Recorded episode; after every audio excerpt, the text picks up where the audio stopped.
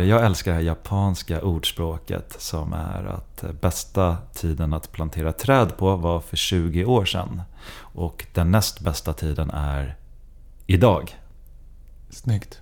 Och det, det, det, är också, det, det blir ett litet extra hack där då. Men det är liksom inte för sent. Man, man kan ofta tänka så här, men fan, äh, det där tåget gick. Det, där, ja, men det är så många som är bättre än mig på det där. Varför ska jag börja med orientering? Fan, folk, min pappa orienterade sedan han var 17 år och nu är han snart 60. Ska jag börja med orientering? Fan, jag har ingen chans mot honom. Ja, men då tänker man nog lite fel.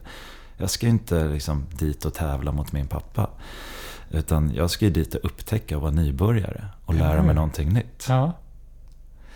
Ingen har blivit bäst i världen som börjar sent. Vad gäller sprint. Till exempel. Är det så? Ja. Usain Bolt började tidigt. Mm.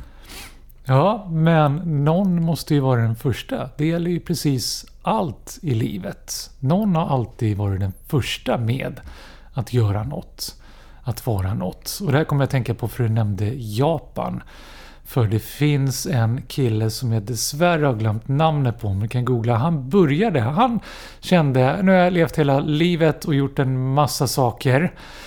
Men det jag egentligen skulle vilja göra som jag inte kunde därför att jag inte hade förutsättningarna, därför att jag inte tilläts av olika anledningar, är att bli bäst i världen på sprint.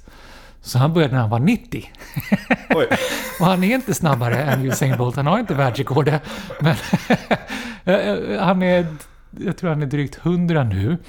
Och kan bli lite snabbare hela tiden. Och om man lever tillräckligt länge och om eh, medicinska tekniska framsteg och eh, vem vet, han kanske har det i sig bara. Mm. Så kanske han faktiskt kommer bli först i världen med att bli den som vinner VM i sprint som sätter världsrekord som började sent i livet. Sant. Ja.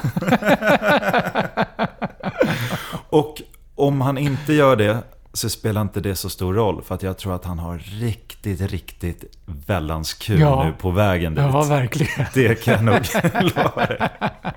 Och jag tror att han firar varenda liten, litet framsteg han har. Ja, kolla på YouTube. Det är leende på läpparna när han går i mål. Det kan jag tänka mig. Han gör alla rätt alltså. Han, han har lyssnat på Lifehacks.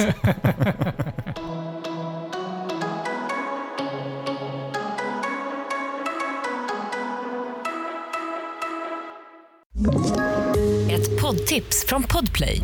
I fallen jag aldrig glömmer djupdyker Hasse Aro i arbetet bakom några av Sveriges mest uppseendeväckande brottsutredningar går vi in med hemlig telefonavlyssning och, och då upplever vi att vi får en total förändring av hans beteende. Vad är det som händer nu? Vem är det som läcker?